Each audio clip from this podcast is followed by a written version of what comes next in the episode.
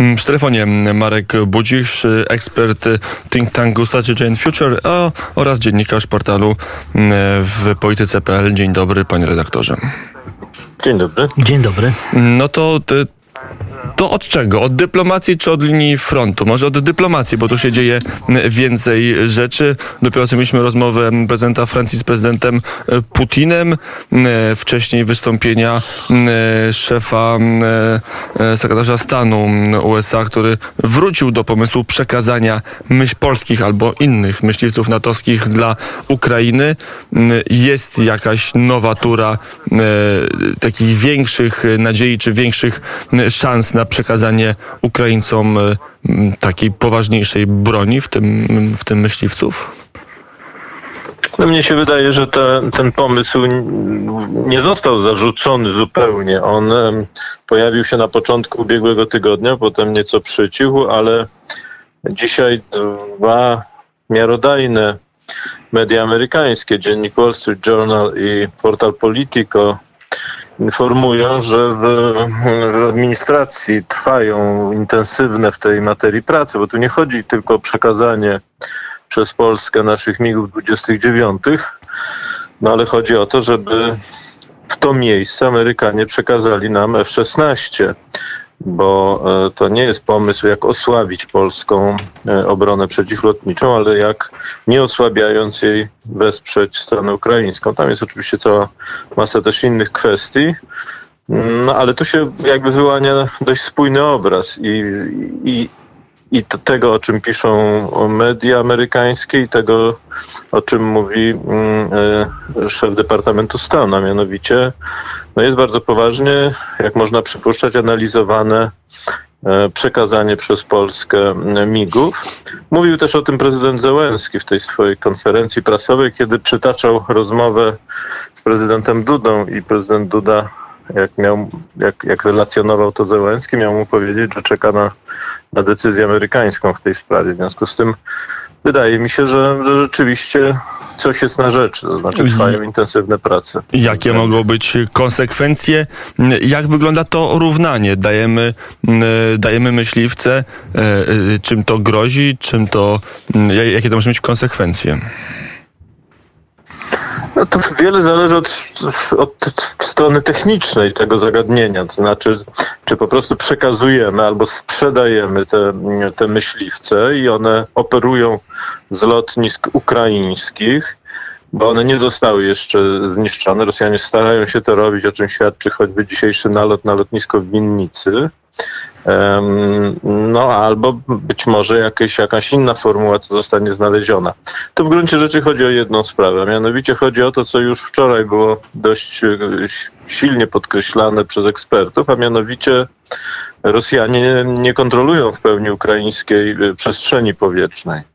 O tym świadczą i wczorajsze straty, ale może nawet w większym stopniu to, że konwoje rosyjskie, które, znaczy, które, które z, wyruszają z, z tych obszarów kontrolowanych przez rosyjskie siły zbrojne, są tak skonstruowane, że w skład tych konwojów wchodzą systemy przeciwlotnicze TOR, e, e, co, co oznacza, że Rosjanie boją się ataków z powietrza. No i w związku z tym ta sytuacja, gdyby gdyby e, jakby siły ukraińskie zostały wsparte przekazaniem sprzętu, który znają, który umieją obsługiwać i który umieją latać, no to, no to mogłoby to tylko jakby umocnić nie tylko siły oporu, ale być może zmienić e, relacje sił między Rosją a, a Ukrainą. To no nie twierdzę, że może być to czynnik przesądzający o, o, losach wojny, ale z pewnością wzmacniający siłę oporu ukraińskiej. Ale dlaczego prezydent Zełęński tak bardzo apeluje o zamknięcie przestrzeni powietrznej, zakaz strefy lotów i dlaczego NATO nie odpowiada na to pozytywnie? Bo każdy praktycznie, każda konferencja, czy też każde pojawienie się prezydenta Ukrainy i, i zawsze jest o tym mowa.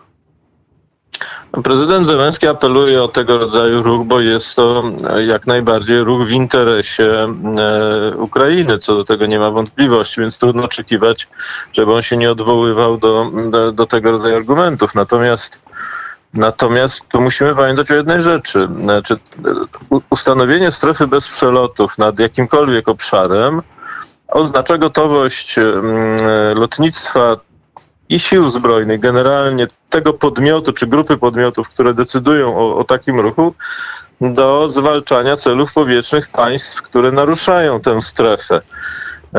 To już prezydent Putin e, powiedział wczoraj również, że Rosja uzna to za akt wojny ze wszystkimi tymi konsekwencjami. No i, mm, i, i, tak to jest też oceniane w, mm, w NATO. Znaczy y, decyzja, która sama w sobie jest y, nie tylko politycznie trudną decyzją, ale jest i wojs- z wojskowego punktu widzenia nie, niezwykle trudną operacją. Podjęcie tej decyzji oznacza wypowiedzenie wojny Rosji w gruncie rzeczy. No takie, takie będą skutki te, tego, tego działania. Równie dobrze wojska natowskie mogłyby wejść na teren Ukrainy. To, e, to tutaj nie ma co ukrywać, jakie, jakie tego mogą być A konsekwencje. przekazanie myśliwców, jak na to zareaguje strona rosyjska? Właśnie, E, Pan nie jest- redaktor jest też autorem książki Wszystko jest wojną o taktyce działania Federacji Rosyjskiej w wymiarze czysto militarnym, ale także tym m, e, około militarnym, tak to nazwijmy. Czy nagle Rosja nie powie, no tego już za dużo, nie dość, że broń, nie dość, że ochotnicy albo i najemnicy, jakby to powiedziała strona rosyjska, przez Polskę płyną, to jeszcze Polska dostarcza m, myśliwce. To jest akt wojenny, atakujemy też Polskę. E, No właśnie, to jest to zasadnicze pytanie, które pan postawił, czy, czy ta kwestia, którą pan postawił na końcu, na końcu zdania. Czy rzeczywiście Rosja zdecyduje się w takiej sytuacji na zaatakowanie Polski? Bo co do tego, czy w ogóle jakiegokolwiek państwa natowskiego? Bo co do tego nie ma pewności i, i spora grupa ekspertów na, mm, na Zachodzie, no, no, renomowanych, no, tacy jak chociażby był ambasador Michael McFaul, był ambasador amerykański w Moskwie, czy Bruno Tetres, fra, f- francuski ekspert strategiczny, uważają, że tego rodzaju działania w sposób oczywisty wrogie, ale no, no tutaj już nie ma co owijać w bawełnę, zostanie, nie zostanie, czy, czy, czy nie musi być uznane e, przez Rosję jako akt wojenny. Będzie pewnie uznane jako forma presji, czy, czy, czy forma eskalacji sytuacji, natomiast już niekoniecznie jako akt wojenny. Ponadto tu jest jeszcze jedna kwestia, mianowicie czy Rosja jest gotowa do ewentualnej eskalacji, do, do, poziomu, do poziomu wojny. To mm, co do tego nie ma, nie ma pewności. Musimy jeszcze wziąć pod uwagę jeden element, mianowicie z ocen e, e, przed konfliktem zbrojnym, e, z ocen zachodnich wynikało, że Rosja ma gdzieś około 350 nowoczesnych samolotów bojowych, no, zarówno myśliwców, jak i, jak i myśliwców szturmowych. E, Więc nawet gdyby uznać, że Rosjanie stracili gdzieś około 40, o czym, o czym raportują, u- raportuje strona ukraińska, co do tej liczby trwają pewne dyskusje, no ale powiedzmy, że to jest 40, to to, to mimo, mimo tego Rosjanie mają znaczący potencjał, w, jeśli chodzi o lotnictwo, którego do tej pory nie używali w sposób bardzo intensywny. Nawet można powiedzieć, że mniej intensywnie używają swojego lotnictwa niż tego oczekiwano, na Zachodzie przynajmniej. E, A, a w związku z tym to nie jest tak, że ustanowienie strefy wolnej od przelotów nie, e, nie spotkałoby się z odpowiedzią rosyjską, bo Rosjanie nie mają e, środków zwalczania e, celów w powietrzu. Mają i mogliby to użyć. Natomiast gdyby to strona ukraińska latała, no to to mieści się w logice już trwającego konfliktu. To jest krok na nieco mniejszym poziomie, jeśli chodzi o potencjał eskalacyjny. I to jest jakby pierwszy element. Drugi element, no musimy też pamiętać, że im dłużej trwa wojna, tym jakby tym wzrasta pewien, pewna gotowość również opinii publicznej państw zachodnich, w Stanach Zjednoczonych to jest już bardzo widoczne, do wywierania większej presji na, na, na Rosję. No, jesteśmy wszyscy atakowani tymi strasznymi obrazami e, tego, co się dzieje na Ukrainie, tego, jakie, s- jakie są skutki rosyjskich, rosyjskich bombardowań i, i to ma swój efekt. W związku z tym no, administracja amerykańska będzie szukała jakiejś odpowiedzi na te rosyjskie działania w powietrzu, jednocześnie takiej odpowiedzi, która może być i skuteczna, i nieeskalująca. I to jest to całe, całe poziomu wojny I nuklearnej. to jest ten cały element y, dyskusji dyplomatycznych, jak dać Ukraińcom y, myśliwce, żeby y, cały czas no, przesunąć się poniżej takiego progu, gdzie Rosja mogłaby w miarę logicznie powiedzieć, że to jest akt wojny? Wydaje się, że w obrębie NATO taka dyskusja ma miejsce. Wydaje się, że jest grupa państw, y, które opowiadają się za tym krokiem. To, to premier Johnson mówił o tym dość otwarcie. W Ameryce, w moim odczuciu, również y, tego rodzaju pogląd, jeśli już nie zwyciężył, to zwycięży. Pytanie, jak to wygląda w innych krajach y, natowskich, no tu jeszcze nie mamy. Tu jeszcze nie mamy odpowiedzi. Jest wreszcie też kwestia, czy w ogóle NATO, czy zdanie innych państw natowskich będzie decydujące w, te, w, tej, w tej materii. No to tu jesteśmy jakby w toku, e, w toku, w toku dyskusji. No ale musimy też pamiętać, że im dłużej trwa wojna na Ukrainie, im ten im, opór strony ukraińskiej jest e, bardziej konsekwentny czy, czy, czy, czy dłuższy, tym polityczna pozycja Rosji ulega osłabieniu. To, to taka jest zależność. W związku z tym tu mamy też ten drugi element dyplomatyczny, o którym pan wspominał, czyli, czyli jakby rosnąca presja świata, w tym i państw do tej pory e, neutralnie zachowujących się, czy starających utrzymać pewien dystans wobec tego e, konfliktu. Rosnąca presja wywierana w moim odczuciu na Moskwę, żeby odejść już od, od wojny, a zacząć szukać pewnych rozwiązań politycznych. Do, do tego jeszcze przejdziemy, tylko jedno pytanie militarne, takie może ogólne, ale, ale ważne. Pan się zajmuje Rosją, także i siłami zbrojnymi od lat. Napisał pan nawet dwie książki w zasadzie na ten temat. Czy zszokowała pana postawa lądowej armii, no nie tylko całej armii rosyjskiej w tym, w tym konflikcie? Czy, czy ta armia jest w stanie jeszcze poza tymi samolotami, których powiedzmy zostało jeszcze ponad 300 tych najnowocześniejszych czy nowoczesnych, czy ta armia jest w stanie jeszcze jak, jak, jakąkolwiek drugą wojnę otworzyć, jakikolwiek inny front z Estonią, Łotwą, Polską, Rumunią, Mołdawią, czy już po prostu nie ma siły? No to jest pytanie, no, łatwiej postawić to pytanie niż udzielić na nie odpowiedzi. Znaczy, e, bo ta odpowiedź zależy od kilku elementów, no choćby od tego, e, o jakiego rodzaju wojnie mówimy.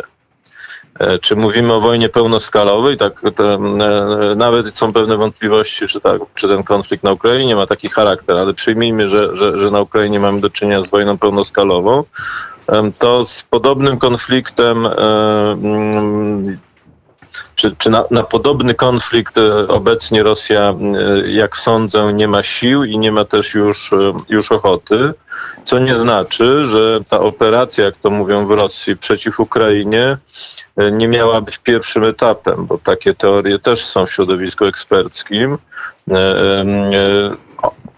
ich, ich zwolennicy mówią, że w gruncie rzeczy mm, Putin planując krótką operację, bo cały problem e, e, rosyjskich sił zbrojnych jest to, że, że tamtejsi planiści wojskowi, sztabowcy, jak się wydaje, popełnili fundamentalny błąd strategiczny, nie doceniając e, siły oporu przeciwnika i planując pewne, pe, pewną sekwencję działań, przy założeniu, że będzie to krótka operacja, że to będzie operacja, która, która, którą można będzie rozstrzygnąć w ciągu 3-4 dni, e, e, przechodząc od fazy intensywnych walk do fazy, powiedziałbym, zaprowadzenia porządku. To jest już coś trochę innego na modłę, na modłę Putina.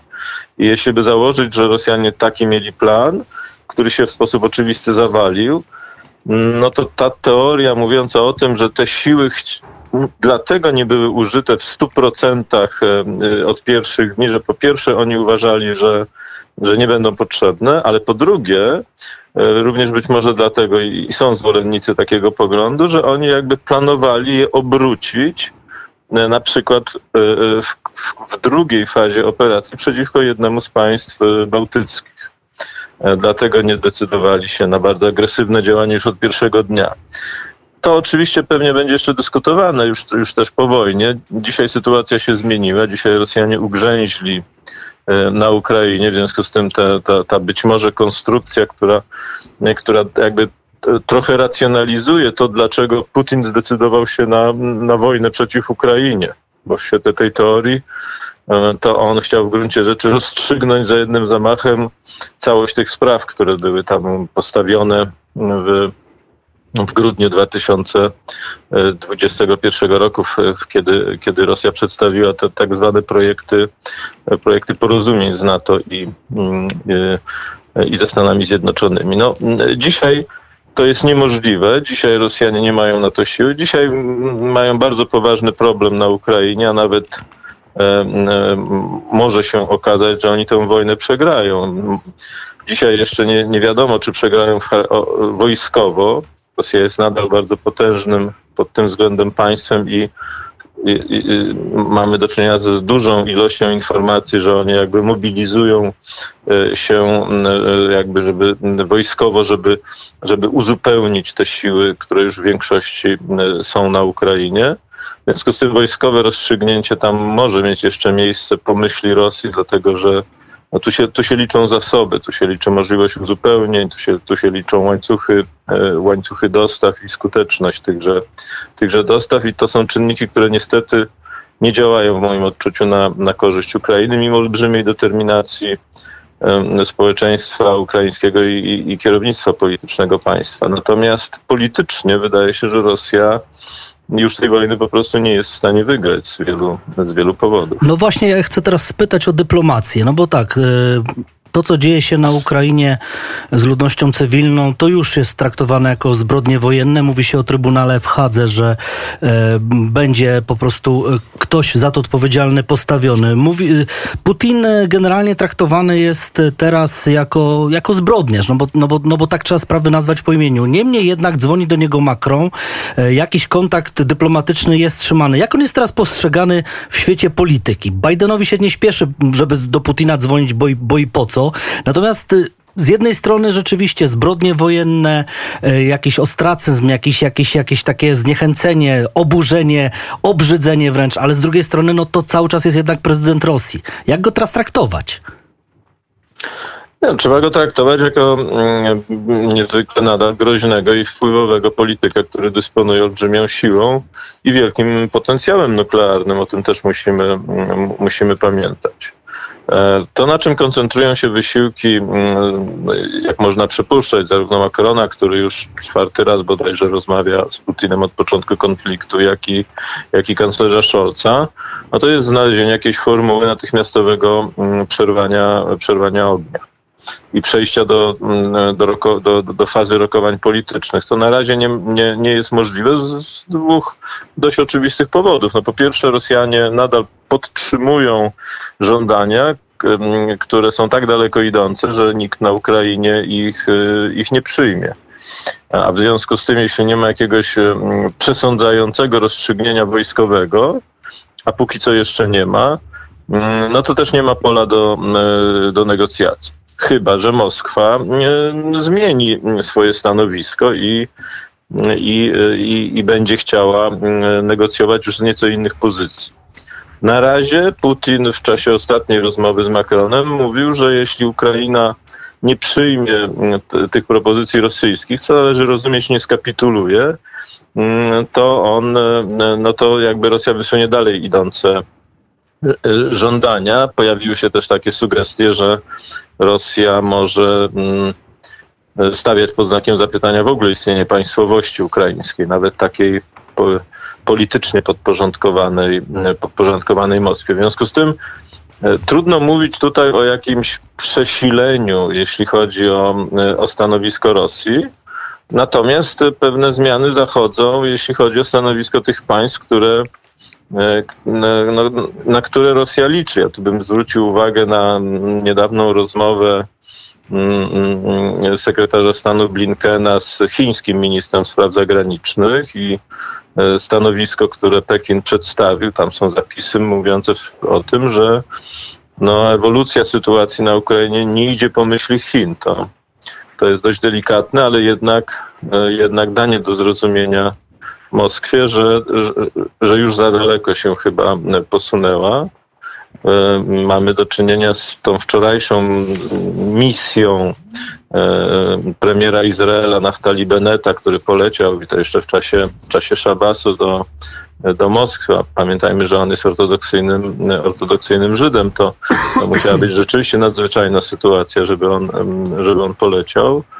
E, potem poleciał zaraz do Berlina. Nie do końca wiadomo, o czym trzy godziny rozmawiał z Putinem, ale, no, ale to też jest jakiś sygnał, dlatego że pamiętajmy, iż Izrael nie, nie przyłączył się do tych sankcji antyrosyjskich.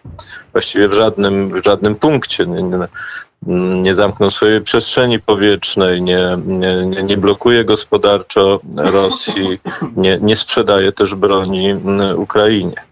W związku z tym takie, takie bym powiedział, działanie ze strony Izraela też jest jakimś sygnałem. Być może nie przesądzającym, tu raczej, raczej to aż takiego znaczenia nie ma, ale suma tych, tych wszystkich działań no, może w, pewne, w pewnym momencie przesądzić w Moskwie, w rosyjskiej elicie strategicznej, no, że czy może skłonić ich do takiego myślenia, że, że, że brnięcie w tym kierunku będzie dawało więcej już strat niż korzyści co może się ewentualnie przyczynić do, do zmiany tej pozycji negocjacyjnej. E, to jeszcze... Ale na razie, nie mamy, na razie nie mamy potwierdzenia tego wszystkiego. Są wszystko spekulacje, czy może pewne nadzieje, jakieś odcienie, jakieś e, nieśmiałe oznaki e, czegoś takiego. No mamy też falę demonstracji w Rosji, ona, ona wzbiera, to, to, to już widać.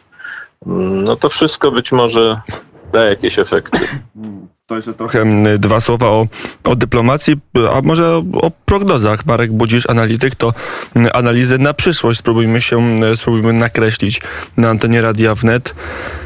Powiedział pan, że Putin to dalej bardzo potężny przywódca, a wiele analiz, także tych z Rosji płynących, oczywiście z kręgów opozycyjnych, mniej lub bardziej wobec Putina, w zasadzie mówi, że przed Putinem nie ma wiele wyjść, że, że Putin, jeżeli nie zdobędzie Kijowa, a na to się jak na razie nie zanosi specjalnie, mm, to jego pozycja, jego stanowisko w samej Rosji będzie bardzo trudne do utrzymania.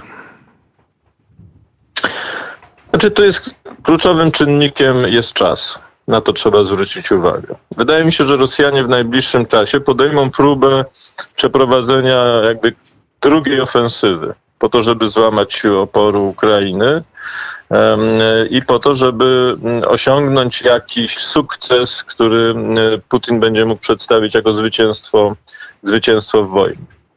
Jeśli to mu się uda, no to wtedy y, to wtedy te wewnętrzne ryzyka związane ze, z, siłą, z siłą sankcji, z rozczarowaniem mm, już coraz wyraźniej manifestowanym części elity, z protestami, to, to, to ta wewnętrzna presja na niego może osłabnąć. Z perspektywy Ukrainy, no to niestety to, to, to nie jest dobry scenariusz, bo to oznacza jakby znaczne straty polityczne w, w sytuacji jakiegoś, jakiegoś zawieszenia broni. Natomiast jeśli, jeśli, tego, jeśli to się nie uda osiągnąć Putinowi, jeśli rosyjskie siły zbrojne jakby mimo tej drugiej ofensywy nie osiągną żadnych istotnych celów, e, no to wtedy rzeczywiście ten scenariusz, e, nawet e, scenariusz obalenia Putina będzie coraz bardziej realny, bo, bo Rosjanie utkną, w, w, będą mieli tego świadomość. Już opinii publicznej nie da się oszuki oszukiwać faktem nie, nie, nasilonej propagandy i represji, no bo po prostu ten gruz 200 zacznie do Rosji w olbrzymich ilościach e, na, napływać, to, to, to, to jest tylko oznaczenie... wyjazd na...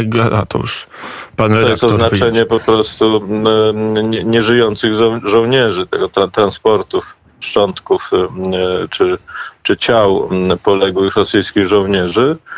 Już są filmy w sieci z bardzo burzliwych y, zebrań matek y, Kuzbasu, czyli tego regionu na środkowej Syberii, w okolicach Kimierowa, z tamtejszym gubernatorem, gdzie matki no, zrozpaczone tym, co się dzieje gdzie są ich dzieci, atakują w sposób no, bezpardonowy, można powiedzieć, jak na rosyjskie warunki urzędnika, którego syn zresztą studiuje sobie spokojnie gdzieś tam na uczelni, a nie, nie poszedł wcale walczyć.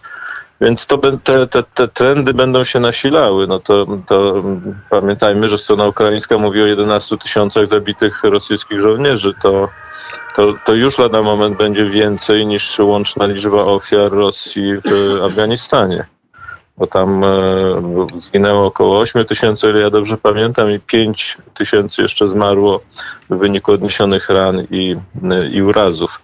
E, w związku z tym, no tu będzie, e, do tego dołączy się dramatyczny szok, jeśli chodzi o gospodarkę rosyjską, a, a Zachód jeszcze nie powiedział ostatniego słowa. Wydaje mi się, że możemy się spodziewać embargo na, na zakup rosyjskich surowców energetycznych, jeśli, jeśli Rosja nie zatrzyma tych, tych działań. To już dojrzewa.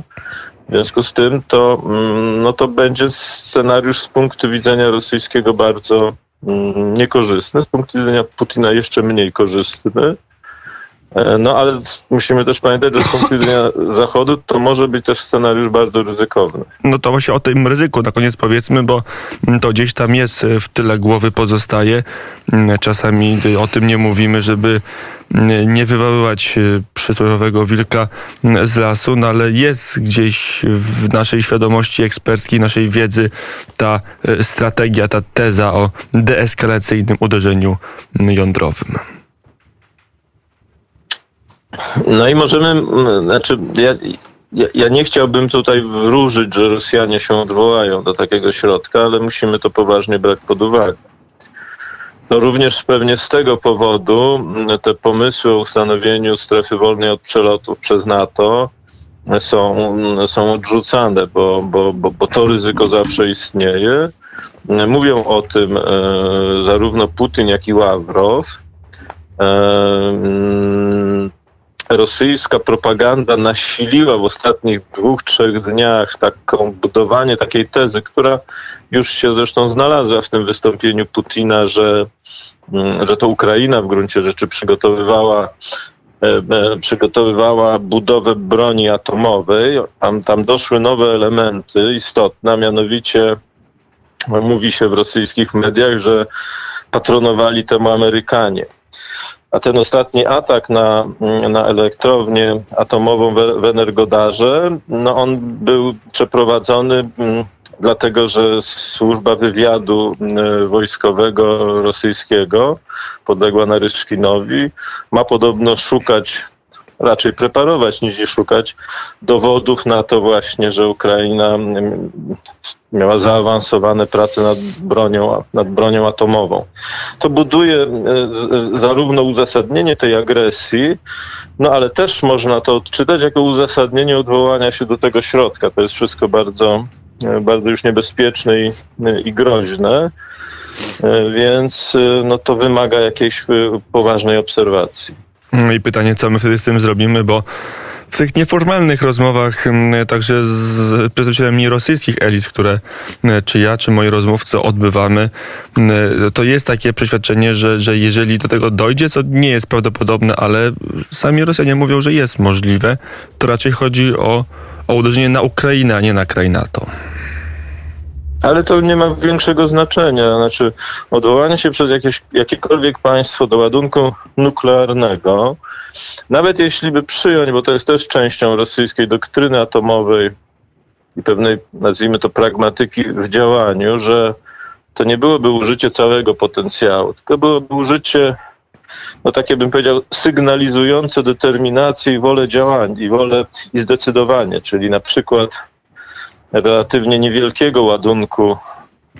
Rosjanie mają ładunki gdzieś o, o wielkości pół kilotony, które mogą, mogą użyć na, na, na obszarze relatywnie mało czy słabo zaludnionym, po to, żeby liczba ofiar była, była możliwie niewielka. Tu nie chodzi o zniszczenie czy zabicie możliwie dużej liczby e, ludzi po, e, w państwie, z którym się walczy, tylko chodzi o pokazanie, o pokazanie determinacji, gotowości do użycia tego, tego arsenału. No ale to jest mimo wszystko przekroczenie pewnej granicy i wydaje mi się, że, że Rosja się na to nie zdecyduje, bo to zamyka, to zamyka drogi. To, to, to też mówiąc szczerze, przybliża Rosję do takiego scenariusza, że gdyby ona tę wojnę przegrała, to już to z tym się musi liczyć, no to to już nie będzie polityczna przegrana, tylko to będzie kapitulacja ze wszystkimi tego konsekwencjami, również takimi, że Rosja by musiała ten, ten arsenał utracić i pewnie pod, podlegałaby takiemu no, nadzorowi międzynarodowemu. W związku z tym póki co wydaje się, że to jest mało realne, chociaż jako pewien straszek, jako pewien, pewien argument polityczny Rosjanie będą tego używać. Mm, Jeden z niewielu, jaki zdaje się w 11 dniu inwazji Rosji na Ukrainę Putinowi pozostał, może poza ropą i, i gazem. Marek Budzisz, mm, dziennikarz portalu w polityce, ekspert y, think tanku Student Future, był gościem Radia Wnet. Dziękuję bardzo za rozmowę. Dziękujemy bardzo. Dziękuję bardzo. Mm, e, Zrobiła się godzina 16.39. To co, Zrobiło się groźnie. Tak, tak, Tak? Zrobiło się, zrobiło się poważnie, tak, ale poważnie też trzeba bardzo. na tą wojnę poważnie patrzeć, bo nie, to się tego pytania nie zadałem. Może powiem zadać, czy to nie jest już preludium do wojny o szerszym zakresie. To już nie tylko walczy Rosja Hmm. z Ukrainą, ale, ale może poruszyło się jakieś globalne domino, ale to jeszcze na takie pytania Oby- oby jeszcze przyjdzie czas. Mam nadzieję, że będą tylko pytania hipotetyczne i analizy, m, a nie opis rzeczywistości. No, ale teraz jedno jest pewne muzyka. No to co, to te